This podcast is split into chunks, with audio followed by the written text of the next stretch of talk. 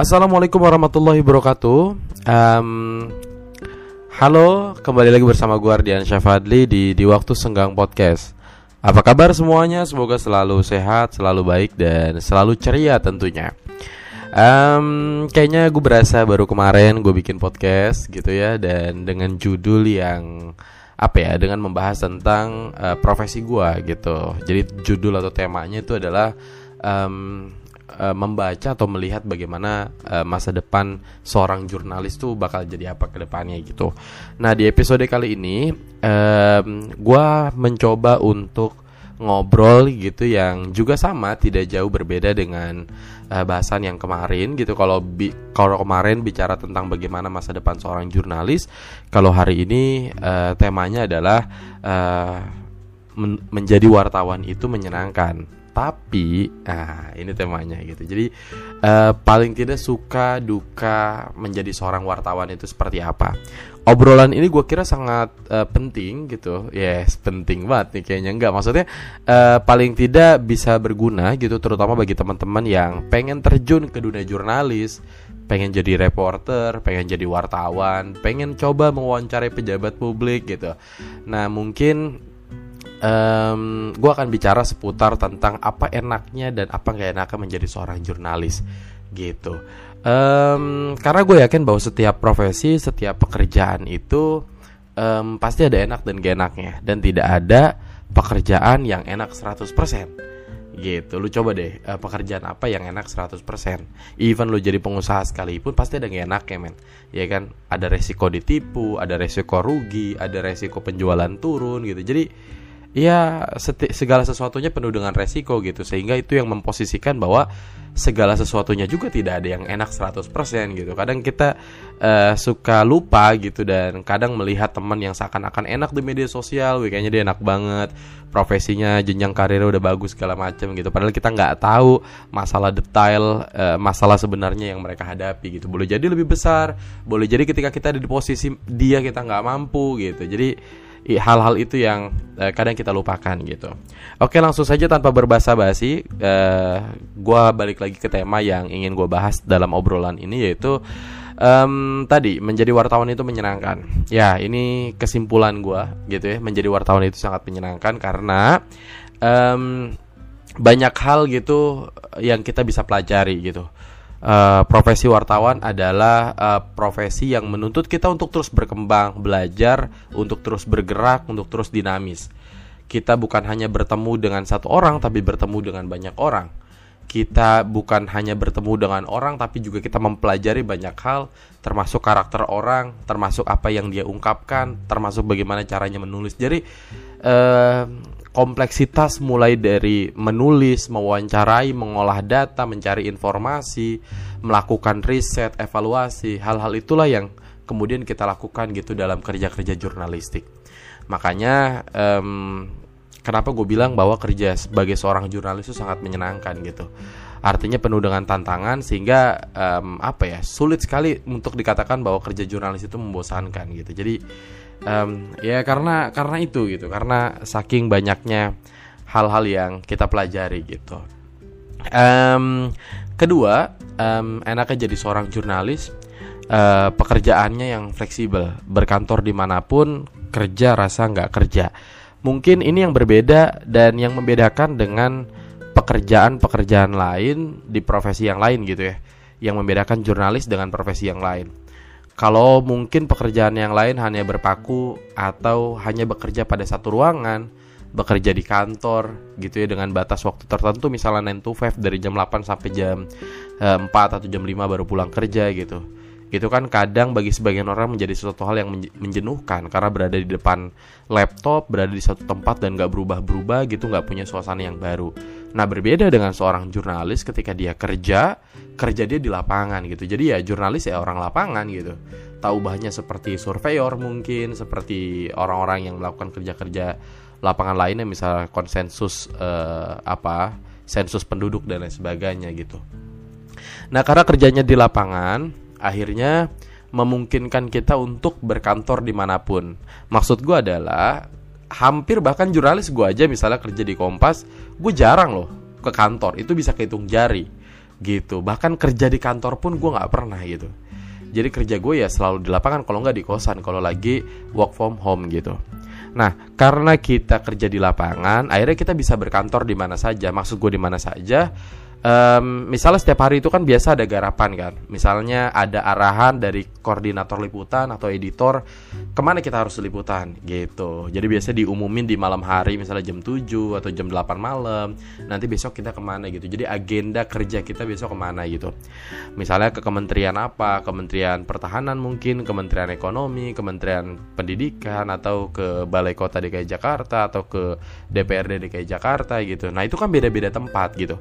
Nah umumnya di setiap kementerian, setiap gedung, setiap perkantoran mereka sudah paham gitu um, bahwa nanti akan banyak sekali wartawan yang datang ke situ gitu. Sehingga biasanya di kantor-kantor pemerintahan itu disediakan atau difasilitasi dengan adanya ruang press room gitu atau ruang wartawan gitu. Nah di situlah wartawan bisa kerja di situ, bisa ngecharge gitu gitu, bisa nugas di situ. Bahkan kalau di balai kota tuh ada TV, ada PS juga dan ada fasilitas-fasilitas yang lain gitu sebenarnya.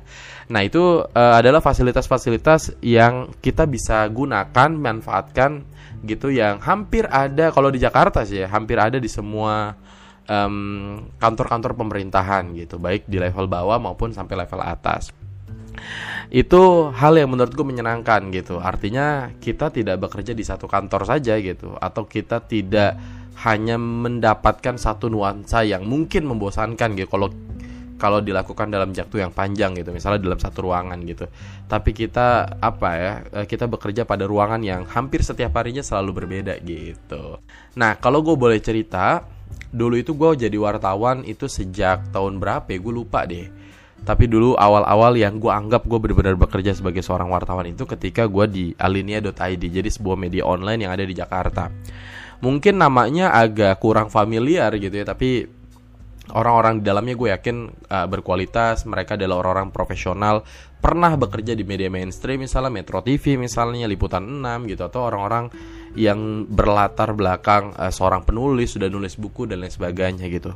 Gue bekerja di situ selama 2 tahun ditempatkan di berbagai desk penugasan di balai kota di ekonomi di mana ya di di tulisan indep atau tulisan-tulisan panjang gitu. Jadi um, cukup mengesankan gue kerja di situ dan mungkin itu tempat yang menurut gue sangat nyaman gue di tempat di situ uh, pemikiran berkembang teknik penulisan juga uh, akhirnya menjadi berkembang gitu.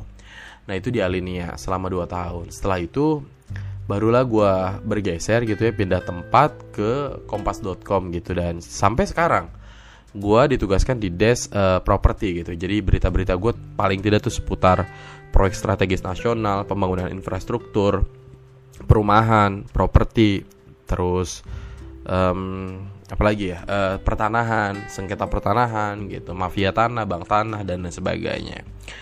Um, itu uh, apa ya hal yang gue jalanin gitu ya sebagai wartawan meskipun gue bekerja di tempat yang berbeda yang pertama di Alinea kemudian di Kompas tapi paling tidak ya kerjanya sama gitu.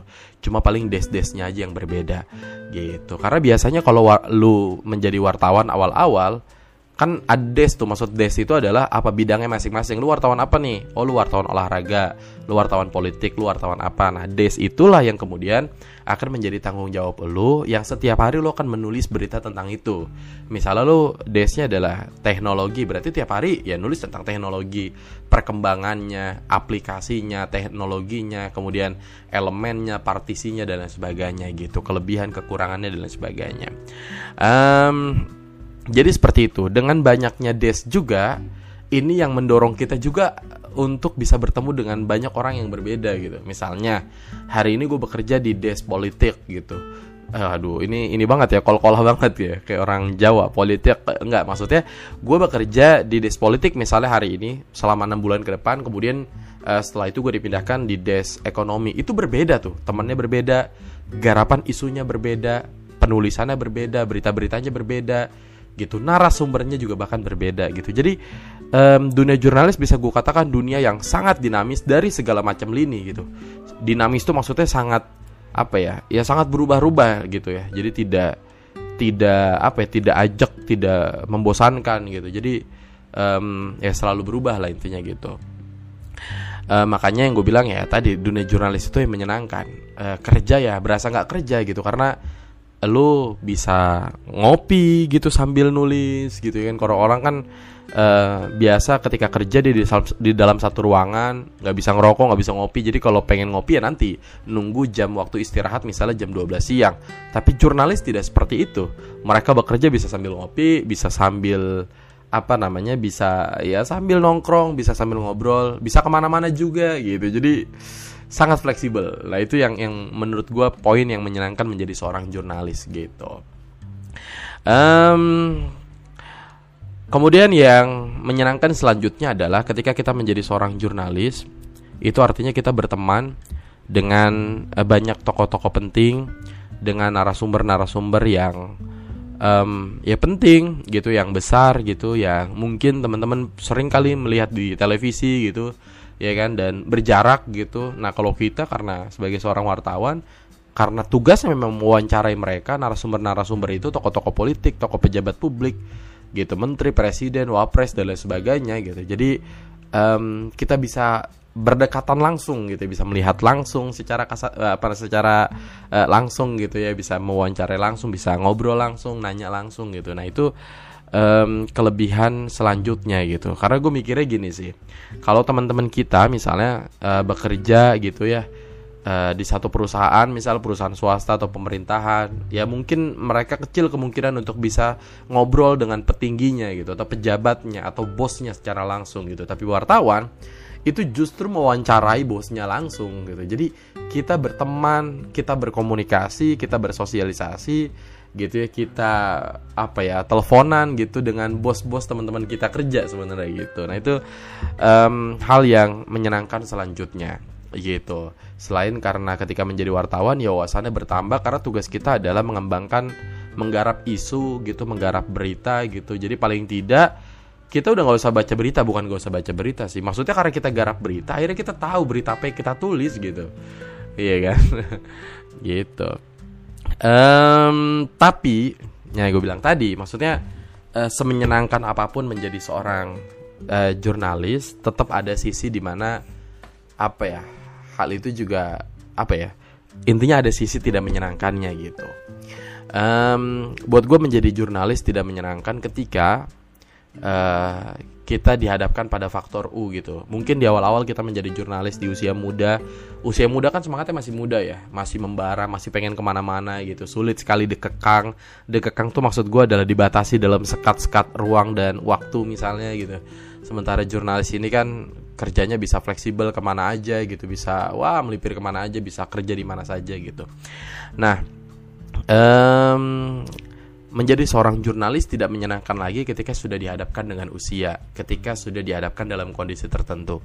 Pertama misalnya, kondisi kita sudah apa ya, maksudnya sudah tidak muda lagi nih, sudah beranjak dewasa, udah ke mana-mana udah males gitu. Atau kita memang udah, aduh males nih, kita keliling-keliling ke lapangan segala macam, kayaknya butuh pekerjaan yang di satu tempat gitu yang membutuhkan waktu yang ya udah 9 to 5 aja gitu kerja biasa pada umumnya gitu. Um, salah satu kondisi yang paling krusial misalnya ketika sudah menikah.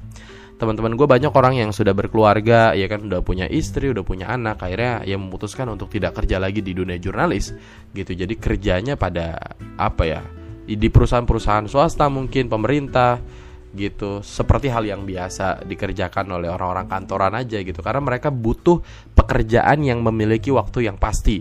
Jadi kerjanya dari jam 7 sampai jam 5 jam 4 pulang. Setelah itu mereka bisa menghabiskan waktu sama keluarganya gitu.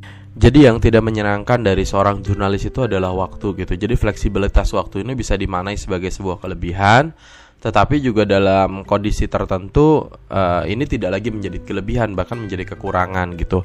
Terkadang semakin dewasa gitu kita butuh waktu dengan keluarga istri anak orang tua atau siapa pun saudara-saudara akhirnya kita memaknai bahwa fleksibilitas waktu ini ya bukan kelebihan justru gitu. Karena kita butuh membagi waktu dengan orang lain gitu. Makanya banyak orang yang beralih hanya karena itu.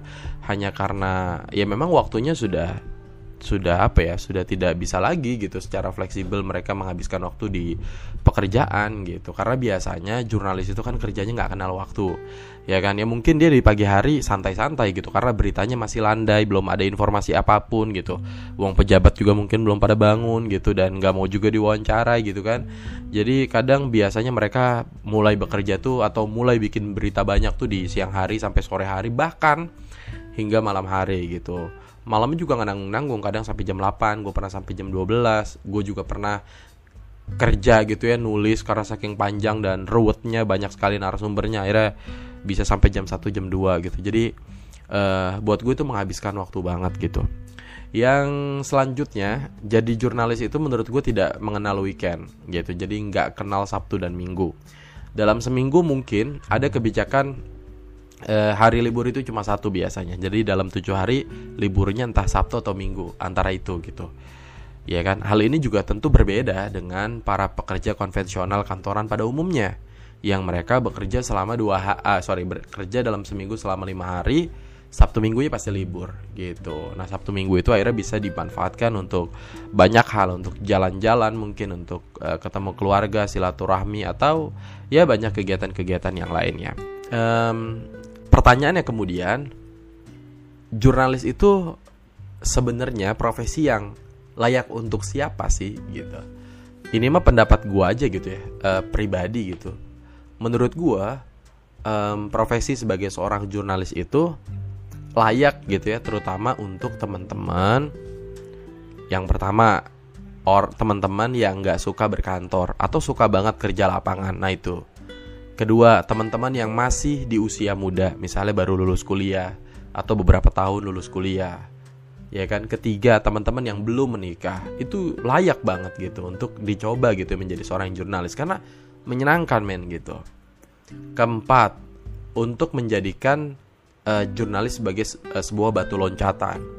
Maksud gue adalah karena ketika kita bekerja sebagai seorang jurnalis, kita akan bertemu dengan orang banyak, orang-orang penting, narasumber, paling tidak kita bisa membangun komunikasi di luar pekerjaan. Kalau kita deket banget nih sama narasumber, kita bisa bangun komunikasi itu. Mungkin diajak ketemu kah, ngobrol dan sebagainya. Sehingga itu membuka peluang kita untuk mendapatkan pekerjaan yang jauh lebih baik.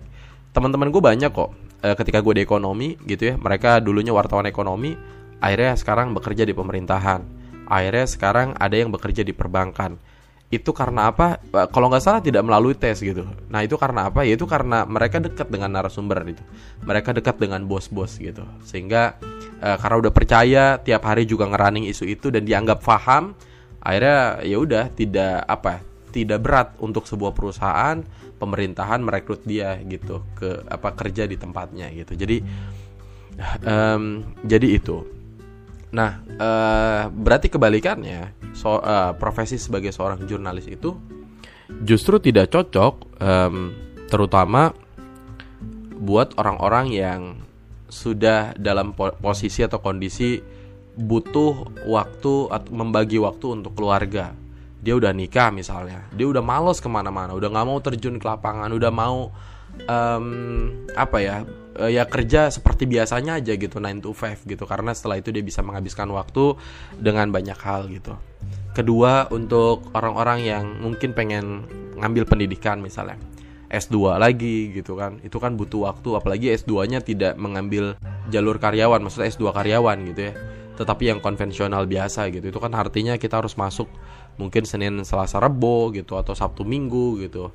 Uh, kenapa gue bilang uh, sulit sekali untuk ngambil S2 atau melakukan kegiatan lain di luar kegiatan uh, pekerjaan kita sebagai seorang jurnalis. Karena gini men, walaupun sebenarnya menjadi seorang jurnalis punya fleksibilitas waktu yang tinggi, tapi kita dibebankan dengan tulisan. Kita dibebankan dengan kuota tulisan yang mana hal itu mengikat kita gitu. Mau tidak mau karena beban atau kuota tulisannya sekian, ya kita harus kerjakan sekian gitu. Nah, yang gua rasain hari ini kayaknya sulit banget gitu untuk melakukan kegiatan lain. Misalnya ketika gue pengen S2, pengen sekolah lagi gitu, kayaknya susah banget membagi waktunya. Secara Senin sampai Minggu gue libur cuma satu hari, selebihnya uh, kerja gitu. Dan kerjaanku memang fleksibel, tapi karena dibebankan dengan kuota, jadi sulit untuk gue bisa apa ya ngelakuin kegiatan aktivitas lain. bahkan gue pulang aja ketemu orang tua kayaknya agak sulit banget karena nggak tenang dalam posisi kerja terus kita jalan-jalan keluar ke rumah atau ke mana gitu mungkin berbeda gitu ya dengan teman-teman jurnalis yang mungkin di media yang lain ini pun sebenarnya gue rasakan di tempat kerja gue yang saat ini. Ber, uh, berbeda dengan tempat gue yang sebelumnya misalnya di Alinea itu justru wah bebas banget gitu. Maksudnya agak lumayan longgar lah gitu. Nah kalau di tempat gue yang sekarang ini kayaknya agak agak lumayan gitu. Lumayan capek. Gitu sih maksud gue um, mungkin itu teman-teman.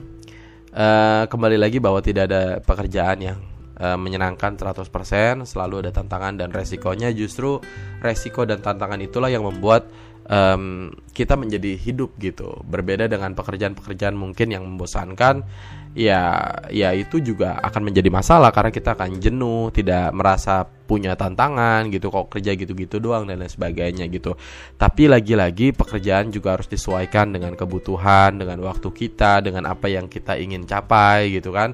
Karena gue yakin setiap orang paling tidak punya mimpi bukan mimpi sih paling tidak punya rencana punya plan gitu. Nah lu tinggal susun plannya seperti apa gitu plan A plan B plan C dan lain sebagainya gitu. Apakah menjadi seorang wartawan itu worth it? Menurut gue sangat worth it sangat bergengsi sangat prestis gitu kan. Wih wartawan gitu masih begitu gitu gitu ya. Um, ya mungkin itu yang bisa gue sharing ke teman-teman gitu buat ya, siapa pun yang pengen jadi wartawan ya cobalah untuk menjadi wartawan cobalah untuk menulis. Karena gue inget banget gitu sebuah kata-kata yang gue lupa. Ini kata-kata siapa? Yang kata-kata itu isinya adalah um, berbicaralah berbicaralah seperti orator dan menulislah seperti seorang wartawan gitu. Mungkin itu saja. Terima kasih buat teman-teman yang sudah setia mendengarkan DWS podcast gitu hingga episode ke 60 berapa? Kalau saat ini 66 ini.